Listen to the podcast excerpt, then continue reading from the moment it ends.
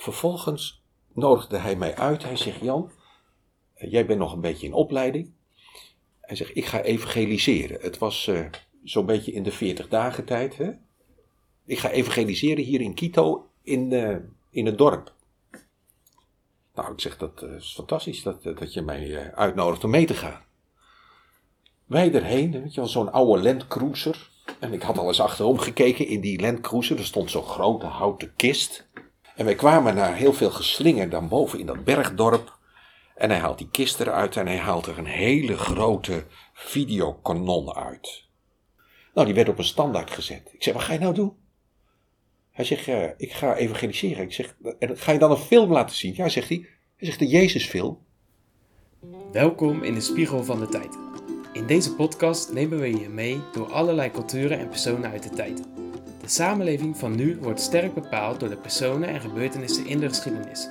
Bart-Jan Spruit, of meneer Spruit, is onze vaste gast en is leraar op de Driestar en geeft ook les op de Vrije Universiteit in Amsterdam. Hij schrijft columns in het Nederlands Dagblad en Reformatorisch Dagblad. Mijn naam is Johan Offermans en ik zit in het laatste jaar van de PABO. Goedemiddag. Dag Joël, goedemiddag. Dag uh, Joël, goedemiddag. Nou, zoals uh, jullie kunnen horen zit ik vandaag tegenover twee docenten. Dus ik voel me een klein beetje in een, uh, in een hoekje gedrukt. Omdat alles wat ik nu zeg wordt dus nu dubbel gemeten. Maar ik heb wel het vertrouwen dat het goed gaat komen. Nou, ik ook wel. Kijk, dat is super. Meneer Spruit, die kennen jullie inmiddels wel. Maar meneer Van Doleweert, Van Doleweert is het als ik het goed heb. Van Doleweert, ja. Ja. Wie bent u? Kunt u uzelf voorstellen, iets kort over uzelf vertellen? Mijn voornaam is Jan, Jan Hendrik, naar mijn uh, opa vernoemd. En uh, ja, ik werk hier op de hogeschool als docent godsdienst. En sinds augustus ook als lector voor het godsdienst, godsdienstig vormingsonderwijs op openbare scholen. En ik werk hier vanaf 2017. En toen kwam ik eigenlijk weer uh, een beetje terug op de basis. Na ongeveer uh, 25 tot 30 jaar weg geweest te zijn. Want daarvoor werkte ik bij Driestar Educatief. Uh, de begeleidingspoot. Dat was toen begeleidingscentrum Griffemeerd Schoolonderwijs. Daar heb ik ongeveer 10 jaar gewerkt als onderwijsbegeleider. En daarvoor toen ik net begon als onderwijzer op, uh, op het basisonderwijs in Krimp aan de IJssel. In Krimp aan de IJssel, kijk. IJssel. Daar kom jij vandaan kom, ja, Ja, zeker. Welke school was dat dan? De Johannes Calvijnschool. Oh, kijk. Ja. Ja, grappig. Ja. Maar dat is eigenlijk niet waarom u hier zit. Want eh, deze aflevering is eigenlijk een soort bonusaflevering van deze serie. Ehm, u bent namelijk... eh, nou, u heeft zich niet alleen in Nederland eh, gevestigd, maar ook in andere landen. Eh, kunt u daar wat meer over vertellen? Wat, wat deed u in die andere landen en waar bent u geweest?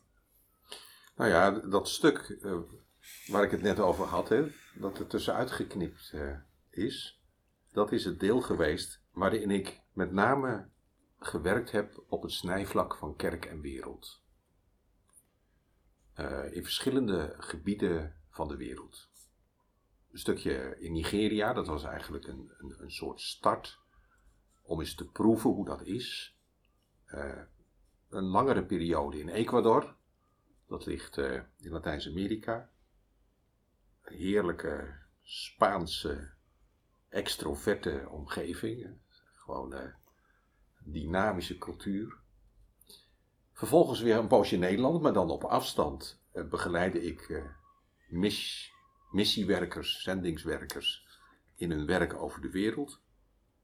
En toen eh, vervolgens nog een periode in Indonesië. Dat was eigenlijk de hele de andere kant van, eh, van Latijns-Amerika. Latijns-Amerika de extroverte kant en Indonesië, Azië de introverte kant. Daar heb, heb ik samen met mijn gezin ook een, eh, een vijftal jaren gewoond om les te geven op een theologische hogeschool.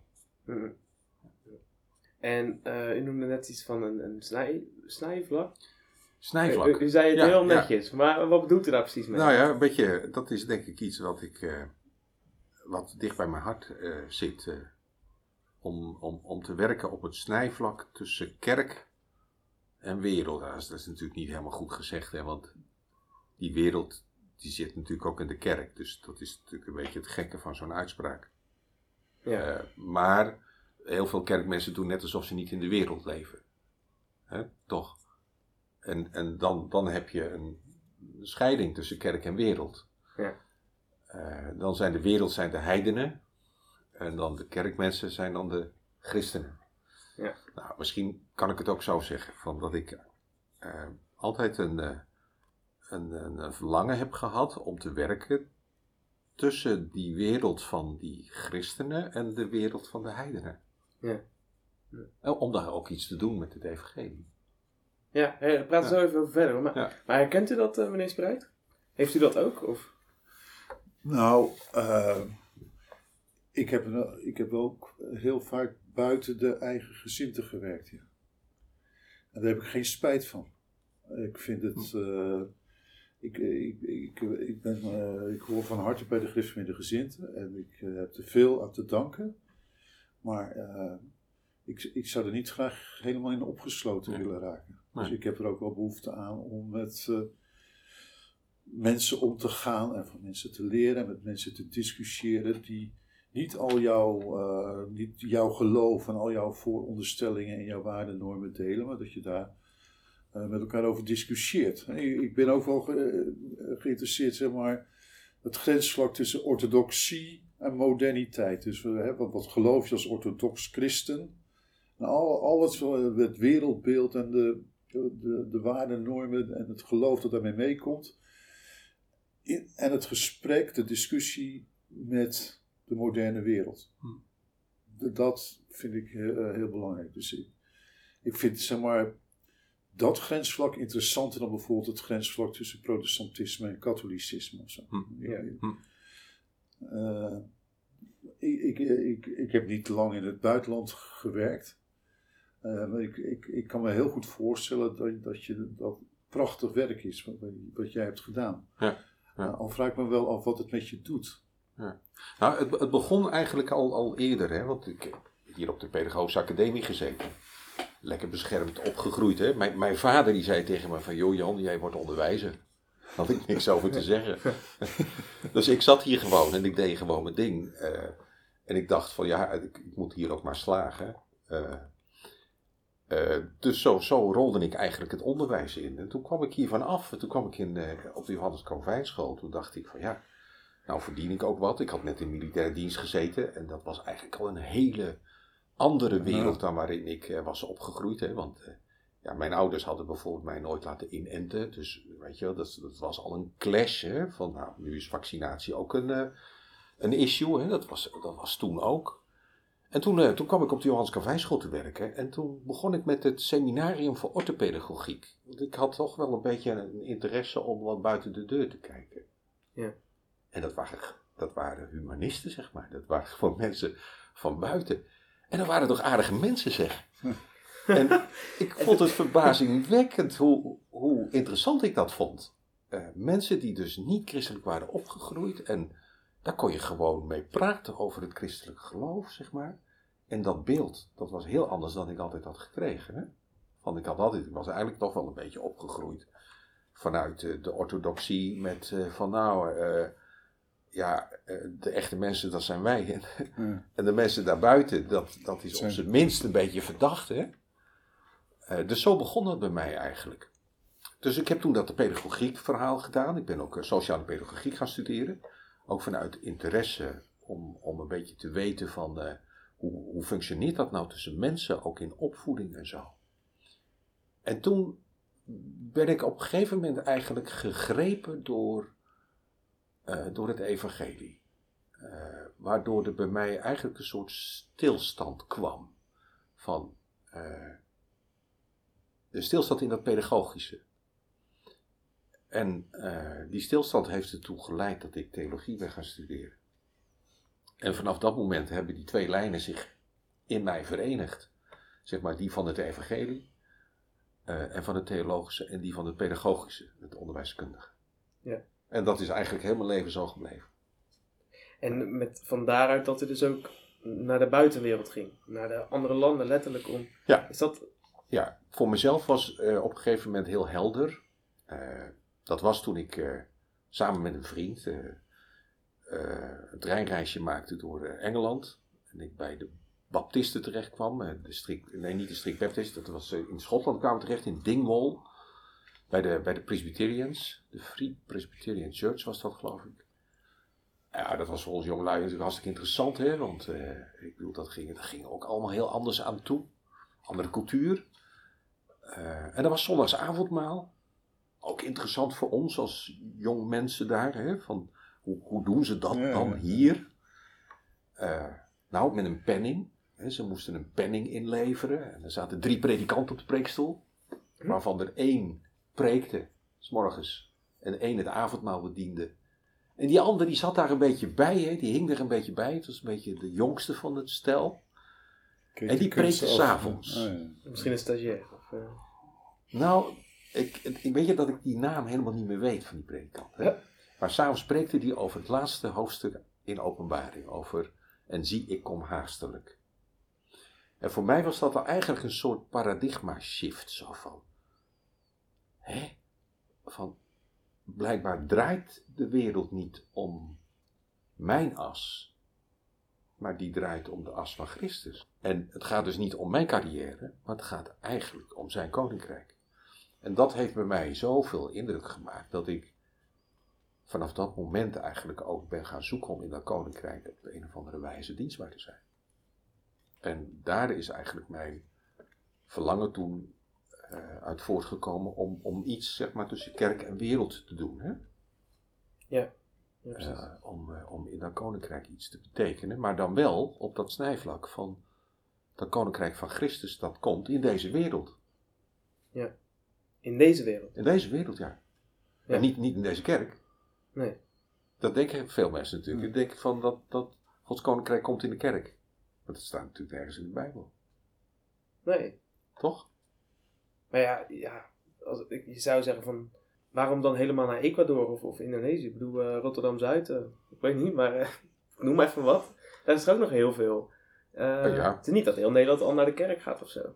Nee, Of, dus nee, dan hoeft je ook niet te reizen en zo. Om de nee. taal te leren. Maar waarom dan toch naar... Waarom moet je dan zo ver weg, hè? Ja, waarom, waarom Ja. zo ver weg? Ja, dat, hoeft, dat hoeft niet, maar dat is denk ik een, een, een levenslijn die God met je gaat.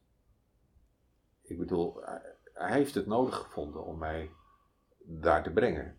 En Ja. eh, ook weer terug te brengen. En ook weer naar een andere plek te brengen. En, ehm, dus dat, dat is ook niet iets, iets van mezelf alleen. Hè? Ik, bedoel, ik denk dat, dat op een gegeven moment maak jij zelf als mens een beslissing voor iets. Want er komt een, eh, een advertentie, een oproep. En dan denk je bij jezelf van nou, is dat iets voor mij of niet?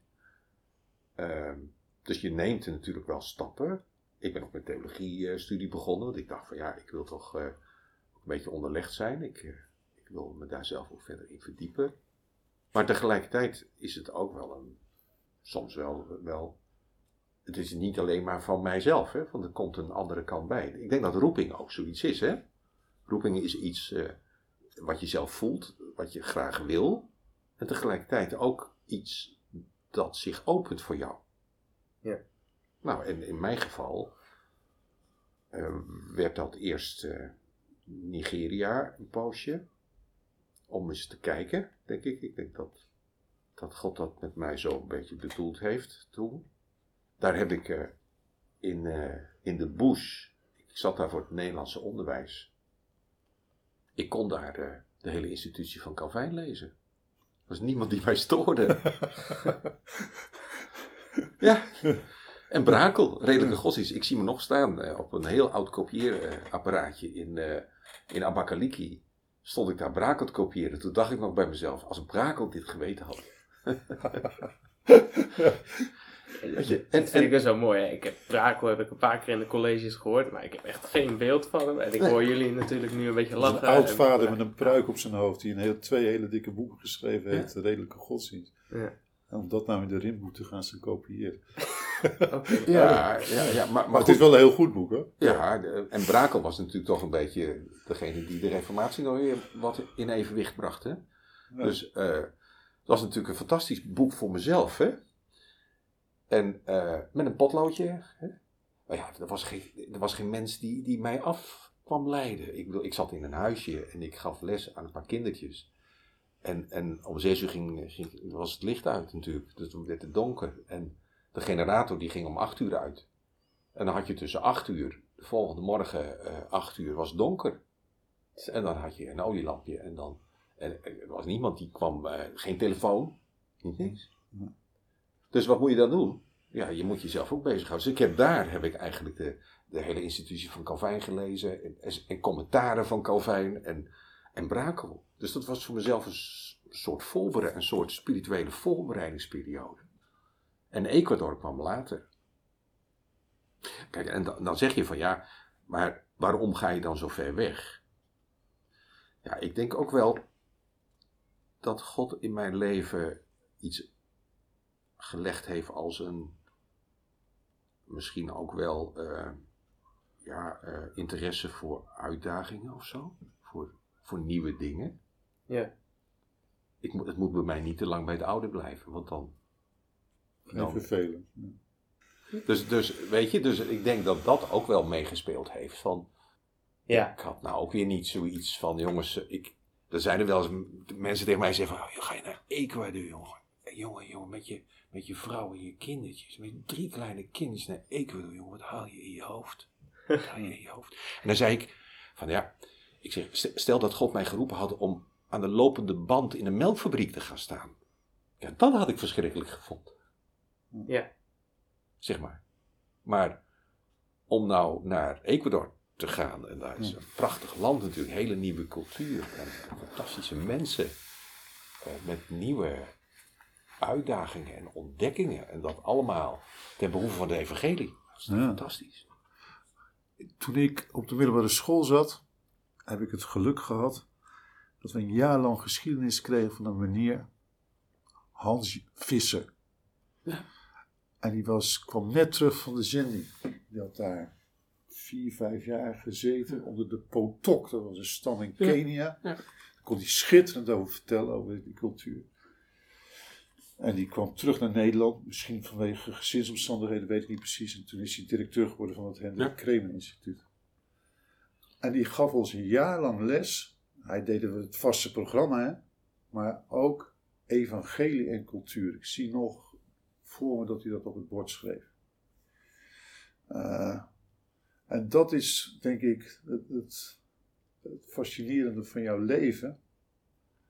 En ook als je in Nederland gebleven bent, maar je bent in gesprek gebleven met mensen die niet kerkelijk zijn, dat, dat het je een spiegel voorhoudt of met jezelf confronteert. In die zin, of je nou in Ecuador het evangelie gaat brengen, of hier in Amsterdam in een restaurant of een café zit te discussiëren met ongelovige vrienden. Wat is nou de essentie en wat is cultuur aan ons geloof? Dus wat is Ja. zeg maar, onze tijdelijke plaats- en cultuurgebonden vormgeving van het evangelie? En wat is nou de echte kern ervan? En, en, en hoeveel kun je, hoeveel variëteit daaromheen is, er- is er mogelijk? Daar Ja. heb jij waarschijnlijk heel goed over nagedacht. En dat is natuurlijk ook wat, eh, wat natuurlijk bij deze podcast om gaat. Hè? We spiegelen onszelf aan culturen. En tot nu toe hebben we dat aan, in het verleden gedaan. Culturen uit het verleden. Maar, maar ja, wat meneer Spruit zegt. In het heden hebben we ook dus die clash tussen culturen en, en de kern. Wel, Ja, wat is die kern dan? Ja. Nou, weet je, dat duurt even voordat je dat door hebt hoor. Ja. Eh, kijk, als je in Nederland evangeliseert, dan doe je dat altijd vanuit je eigen huis. Hè? Je doet het eigenlijk altijd vanuit je eigen com- comfortzone. Maar als je wordt uitgezonden, eh, en ik, eh, nou ja, ik prijs me gelukkig dat de organisatie die, en de kerk die ons uitzond, ook wilde dat wij in de cultuur zouden duiken en gedompeld worden. We zijn eerst begonnen met eh, een jaar taalstudie. Om de taal van de mensen te spreken. Eh, en dan vervolgens binnen te komen in samenwerking met hen. eh, in de sloppenwijken waar wij eh, zeg maar ons werk begonnen. Dus dat was eigenlijk toch een proces van stap voor stap in die cultuur binnenkomen. En dat, dan krijg je heel veel bevreemdende dingen in het begin. Hè? Shocking voor jezelf. er, er was, dat herinner ik me nog, hè, een Amerikaanse dominee, goede vriend werd het van ons, die had een boekje vertaald in het Spaans. Dat noemden ze in Nederland de kleine kersten. Nou, dat orthodoxe kun je het eigenlijk niet hebben, toch? Nee. En vervolgens nodigde hij mij uit. Hij zegt: Jan, eh, jij bent nog een beetje in opleiding. Hij zegt: Ik ga evangeliseren. Het was eh, zo'n beetje in de 40 dagen tijd. Hè? Ik ga evangeliseren hier in Quito in, eh, in het dorp. Nou, ik zeg: Dat eh, is fantastisch dat, dat je mij eh, uitnodigt om mee te gaan. Wij erheen, weet je wel, zo'n oude Landcruiser. En ik had al eens achterom gekeken in die Landcruiser. Er stond zo'n grote houten kist. Ik denk, eh, en ik zag helemaal geen, geen, geen, geen andere dingen. En zei, wat, wat, wat gaat hij nou doen, hè? En wij kwamen naar heel veel geslinger dan boven in dat bergdorp. En hij haalt die kist eruit en hij haalt er een hele grote videokanon uit. Nou, dat kun je, kunnen wij ons niet meer voorstellen dat die dingen toen zo groot waren. Nou, die werd op een standaard gezet. Ik zeg, wat ga je nou doen? Hij zegt, ik ga evangeliseren. Ik zeg, en ga je dan een film laten zien? Ja, zegt hij. Hij zegt, de Jezusfilm. Nou, je begrijpt dat het met de context waar, hè, mijn achtergrond, dat ik toen dacht van, oh, Eh, eh, ja. want ik bedoel, eh, de achterban, mijn orthodoxe, eh, zeg maar, eh, achterban die mij, eh, zeg maar, met, met de gebeden had uitgezonden, had dit niet voor ogen gehad. Nee. En hij vertoonde de Jezusfilm en hij vroeg aan het eind, hij zegt, van wie van u heeft nu Jezus aangenomen? Nou, weet je, dus ik, ik ging daar natuurlijk helemaal ondersteboven naar huis en terug. Maar ook met vragen aan hem. Ik zeg, hoe is het nou mogelijk dat jij dat doet, hè? Zo gereformeerd, zo voluit gereformeerd. En dan laat jij hier de Jezusfilm zien. Geen enkele, geen enkele moeite mee. Later ging ik in die kerk ook eens een interview doen. Want, Dat- want hij paste zich aan aan... Hij, hij, zag, hij zag het probleem gewoon niet. Nee. Hij zag het probleem gewoon niet in de discussie van eh, dat dat een afbeelding van God zou zijn. God is natuurlijk veel groter, die kun je nooit afbeelden. Hmm. Ook niet in de Jezusfilm. Nee. Je kunt hooguit een vergelijk maken, zoals je dat ook in je Bijbelvertelling doet, of in je preek doet. En mensen die maken dat wel weer, eh, of, of de geest, nog beter gezegd, die maakt dat wel weer goed. Ja. Dat hoef jij niet te doen. Ja. En als je nou echt op de geest vertrouwt, dan kun je ook begrijpen dat de Heilige Geest dit soort middelen heel goed kan gebruiken. Nou, dan ga je onderzoek doen onder de gemeenteleden, wat ik in die tijd ook gedaan heb, ook in interviews. En bijna al die voorgangers van die gemeenteleden, die van harte de gereformeerde Engelse Westminster onderschreven, die waren eigenlijk bijna allemaal, zeg maar, in het allereerste begin gegrepen door de Jezusfilm. En Ja. zo waren ze bij het woord terechtgekomen en bij het evangelie. Nou, dan begrijp je dan, wat is nou cultuur en wat is nou, wat is nou het evangelie? En daar duik je dan in, hè? En dan op een gegeven moment dan zoek je ook voor jezelf, waar zit dan het kardinale punt, ook in het beleiden van het evangelie. En daar, daar ben je niet gelijk. Daar ben je, daar ben je, daar kom je stapje voor stapje dichter bij het geheim, dat uiteindelijk toch altijd een geheim is van de geest van God zelf. Van die iemand eh, tot hem trekt en bij hem brengt.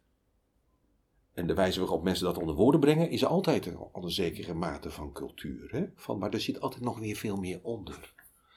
Toen gingen wij in de Stoppenwijken werken. En eh, weet je, eh, het evangelie heeft met een naam te maken, het heeft met Jezus te maken, het heeft met, het heeft met terugkomen te maken, het heeft met vergeving van zonde te maken. Het heeft met uiteindelijk een bekering te maken, zeg maar, een herschikking van je leven in het licht van, eh, van wie je schepper is. Ik denk dat dat de kern is. En daaromheen zit heel veel heel veel wat je kunt gebruiken aan woorden. Je kunt het opbouwen, je kunt het ingewikkelder maken, je kunt het theologiseren, je kunt het helemaal, je kunt de Bijbel erbij eh, eh, gebruiken. Je kunt, je kunt in de Bijbel aanwijzen, je kunt heel veel omheen doen. Maar met dat je dus bij die kern vandaan gaat, zit je al in cultuur. Dan Dat zit je valt al dus in de taal van mensen. Dat valt uiteindelijk In weg. in zo'n omgeving valt dat allemaal weg. Maar En is dat ook zo eh, bij jongens en meisjes die jij opleidt om les te geven op een openbare school? Is het eigenlijk dan vergelijkbaar? Dat je niet in een, eh, in een reflectorische omgeving waarin alles vanzelfsprekend is en iedereen weet wat er van je verwacht wordt, maar dat je daar ook terugvalt op, hè, zoals je dat net omschreef, hè, die kern van het christelijk geloof. Dus een thuiskomen, een bekering, een nieuw leven ontvangen, vergeving krijgen, een herschikking van je leven. hè. Die kern, dat, dat vond ik wel dat je het hartstikke mooi formuleert. En dat al die dingen eromheen, waar, het- waarop, re- waar- waarover op reformatorische school wordt gediscussieerd, ja, daar, heb je, daar, daar hoef je het niet over te hebben natuurlijk. Nee. Is dat wat jou Ja. kwalificeert, zeg maar, vanwege je buit- buitenlandse ervaring om nu dit te doen? Ook. Nou, dat, dat ook weer niet. Ik denk dat je daar weer een eh, onderscheid in moet maken. Want eh, als wij in Nederland op openbare scholen godsdienstige vorming geven, en dat is wettelijk eh, is dat, eh, geregeld. Hè? Dus Ja. ouders mogen dat vragen en een school is verplicht om dan die godsdienstige vorming aan te bieden onder schooltijd. Dan doe je dat, maar je doet het niet vanuit missionair oogpunt. Nee. Dus er kantelt dan iets. Hè? Eh, kijk, als je als evangelist wordt uitgezonden namens je kerkelijke gemeente om in dienst van Gods Koninkrijk in Ecuador te werken of in welk land dan ook, dan ga je met een last en een opdracht om daar mensen ook bekend te maken met eh, de naam Jezus. Hè? Dat even gewoon heel eenvoudig zeggen. Eh, als ik in Nederland als vakdocent godsdienst, godsdienstige vorming geef, dan is dus niet, zeg maar, die opdracht uitgangspunt. Dat klinkt misschien gek. Maar dat is wel zo. Maar dan zijn de vragen van de kinderen uitgangspunt. Ja, ik bedoel ook niet waartoe je het doet, maar wat je zegt. Dat je, dat je een kern overhoudt.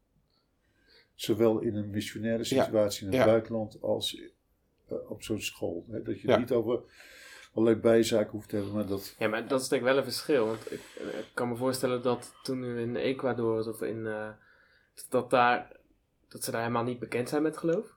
Klopt dat? Ja, en, en dan. ehm, dan vallen die dingen automatisch weg, want die zijn er nog helemaal niet. Maar hier in Nederland heeft iedereen al wel een beeld van de kerk. eh, hoedjes, eh, geen seks voor het huwelijk, je moet eh, altijd bidden, je moet eh, twee keer per Hm. zondag naar de kerk. Er is hier best wel een, een beeld, een stereotype beeld gevormd. Maar hoe, hoe, hoe kom je dan weer tot die kern, Ja. zeg maar? Nou, ik denk dat die werelden heel erg uit elkaar liggen. Hè? Kijk, een vakdocent in Nederland die, die dit werk doet, die is in zijn, in zijn hart er natuurlijk ook een voorstander van dat iets van wat hij in zijn omgang met God ervaart, of zij, dat dat de moeite waard is om dat eh, aan kinderen eh, te delen. Hè? Omdat dat ook hun op hun levensweg eh, kan gidsen. Hè? En, en dat het van belang is dat ze daar kennis van hebben. Dus dat, dat zit er wel. Alleen tegelijkertijd ehm, is het zo dat je, en dan- kom je bij een cultuurkwestie uit ook, dat in Nederland de vrijheid van de mens, dus de zelfbeschikking, ook van kinderen, eh, uitgangspunt is. Ja.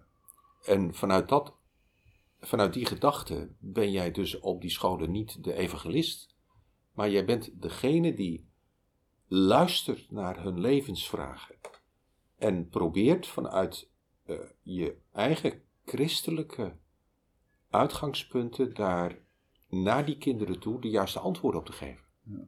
Maar die kinderen zelf, die, die kiezen. Ja.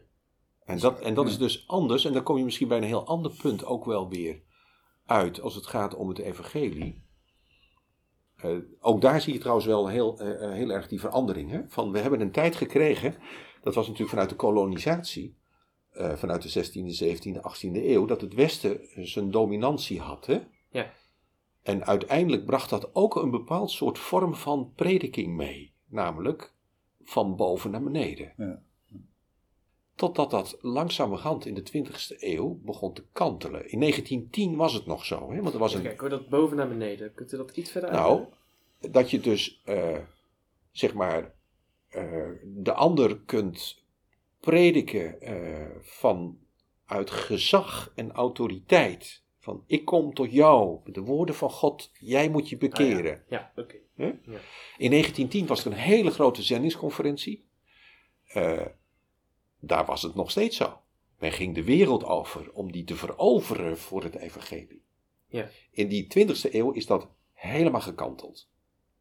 Aan het eind van de 20e eeuw kun je op heel veel plekken niet meer, zeg maar, op die culturele wijze ook, zeg maar, binnenkomen.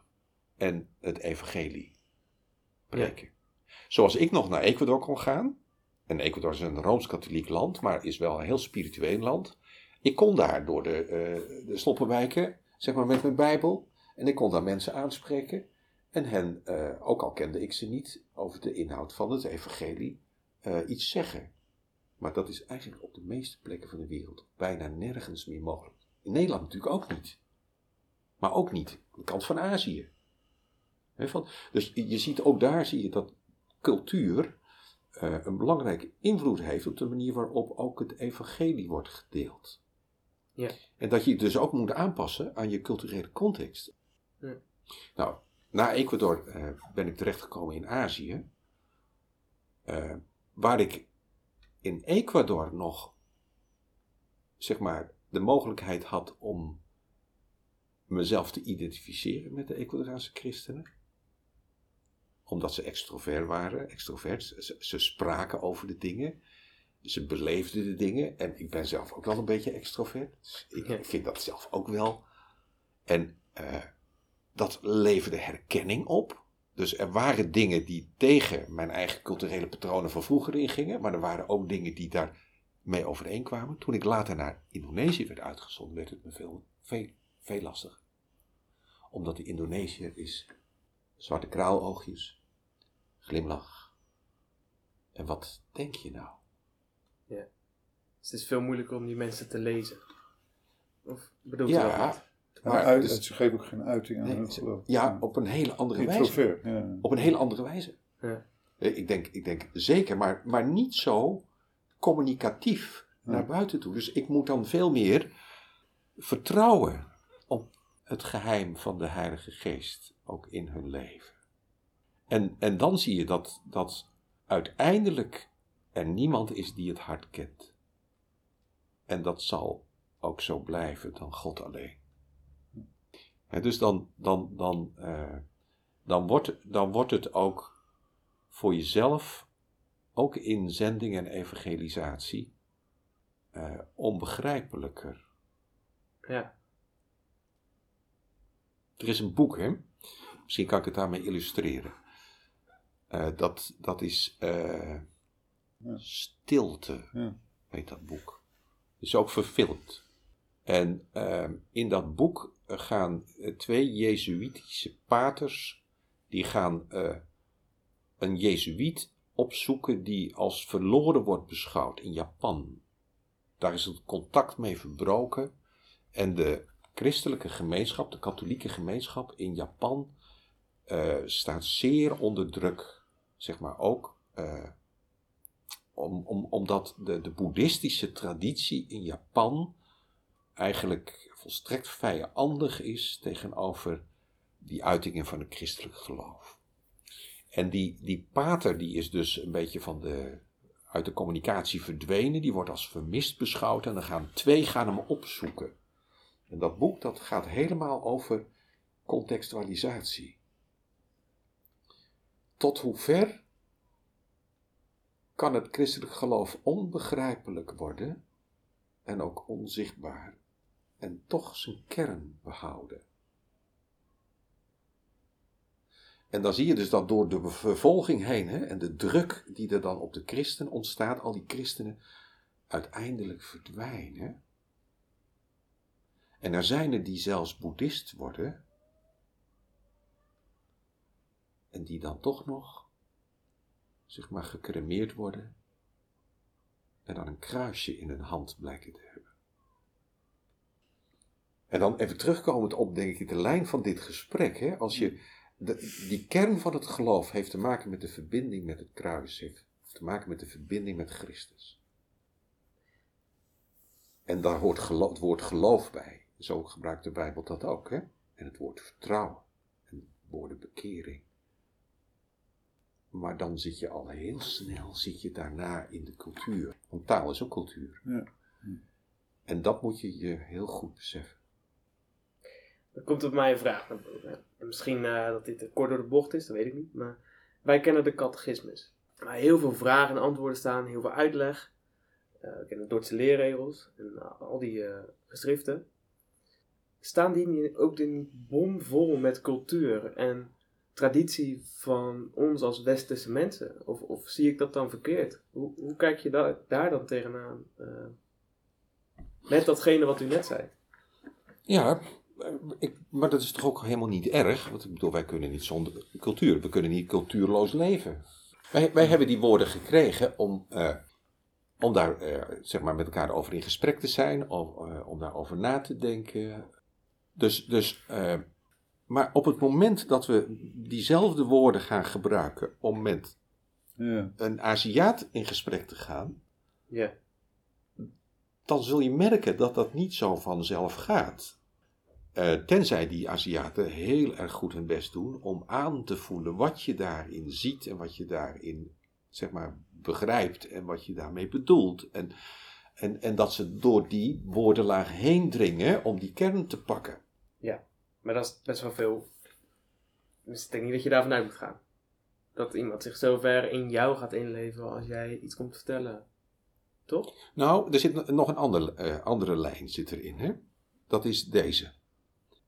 Uh, je moet namelijk ook bedenken dat als, en ik geloof dat ook, als we één God hebben, die ons alle mensen geschapen heeft, en die dus deze aarde door zijn hand onderhoudt, ik geloof dat, uh, dan, en, en dat God zijn koninkrijk in deze wereld bouwt, Ja. Dat hij zijn zoon uh, in het vlees gegeven heeft, niet voor één afgezonderd volk, maar voor deze wereld. Hè?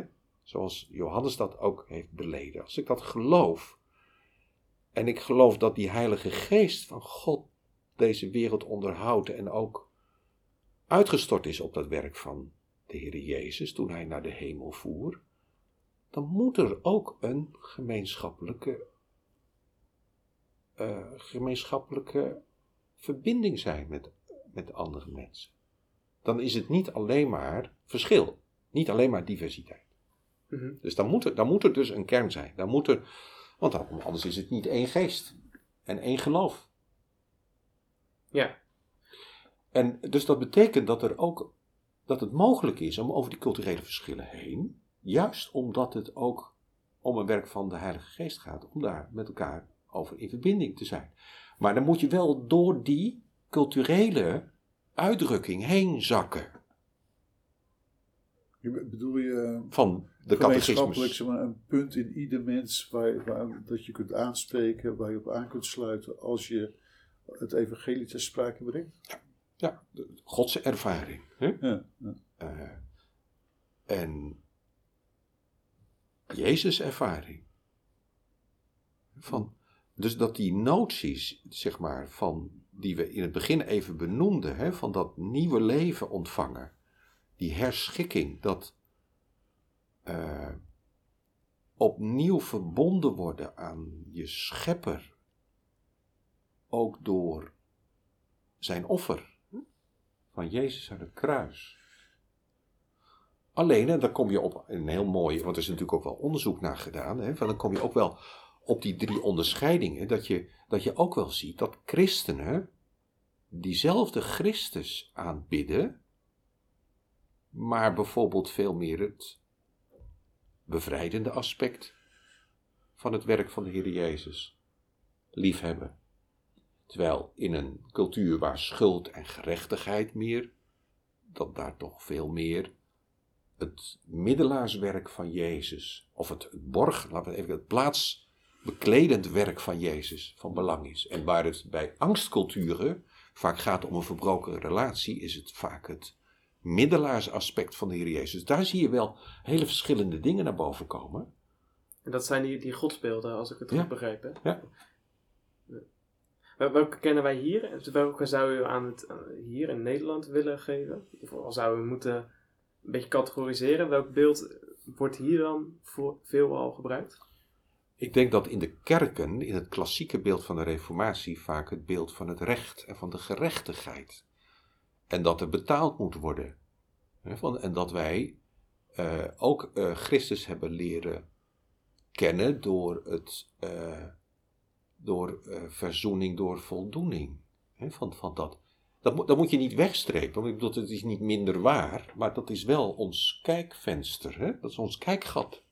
Ja. Eh, en, eh, maar ik zie ook dat christenen bijvoorbeeld in een schaamtecultuur veel meer het aspect hebben van, van, van, van Jezus als degene die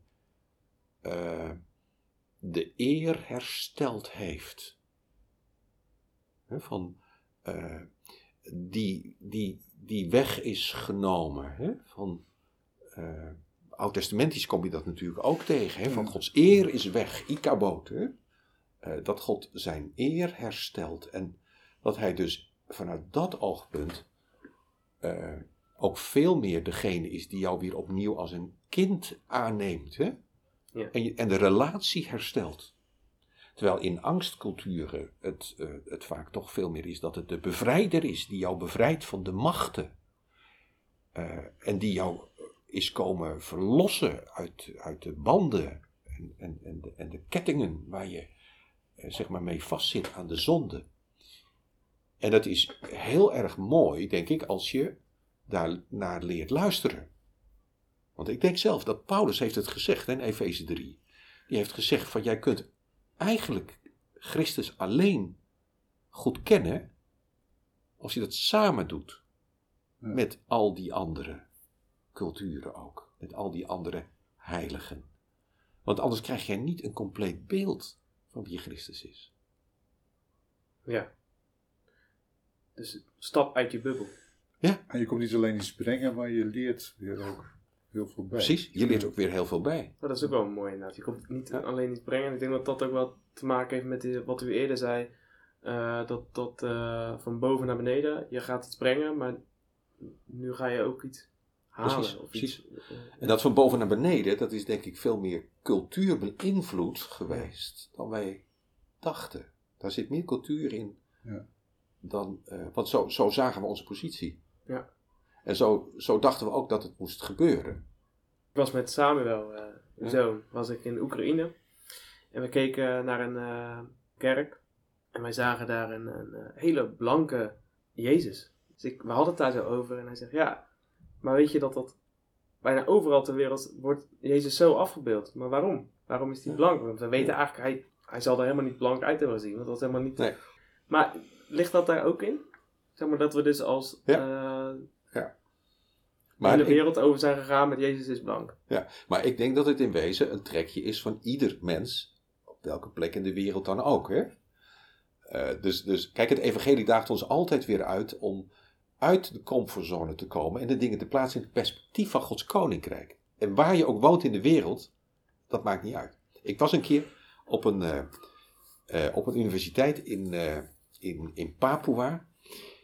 Na afloop kreeg ik eh, vragen van Papua, van een Papuaan, eh, over de krulharen van Jezus.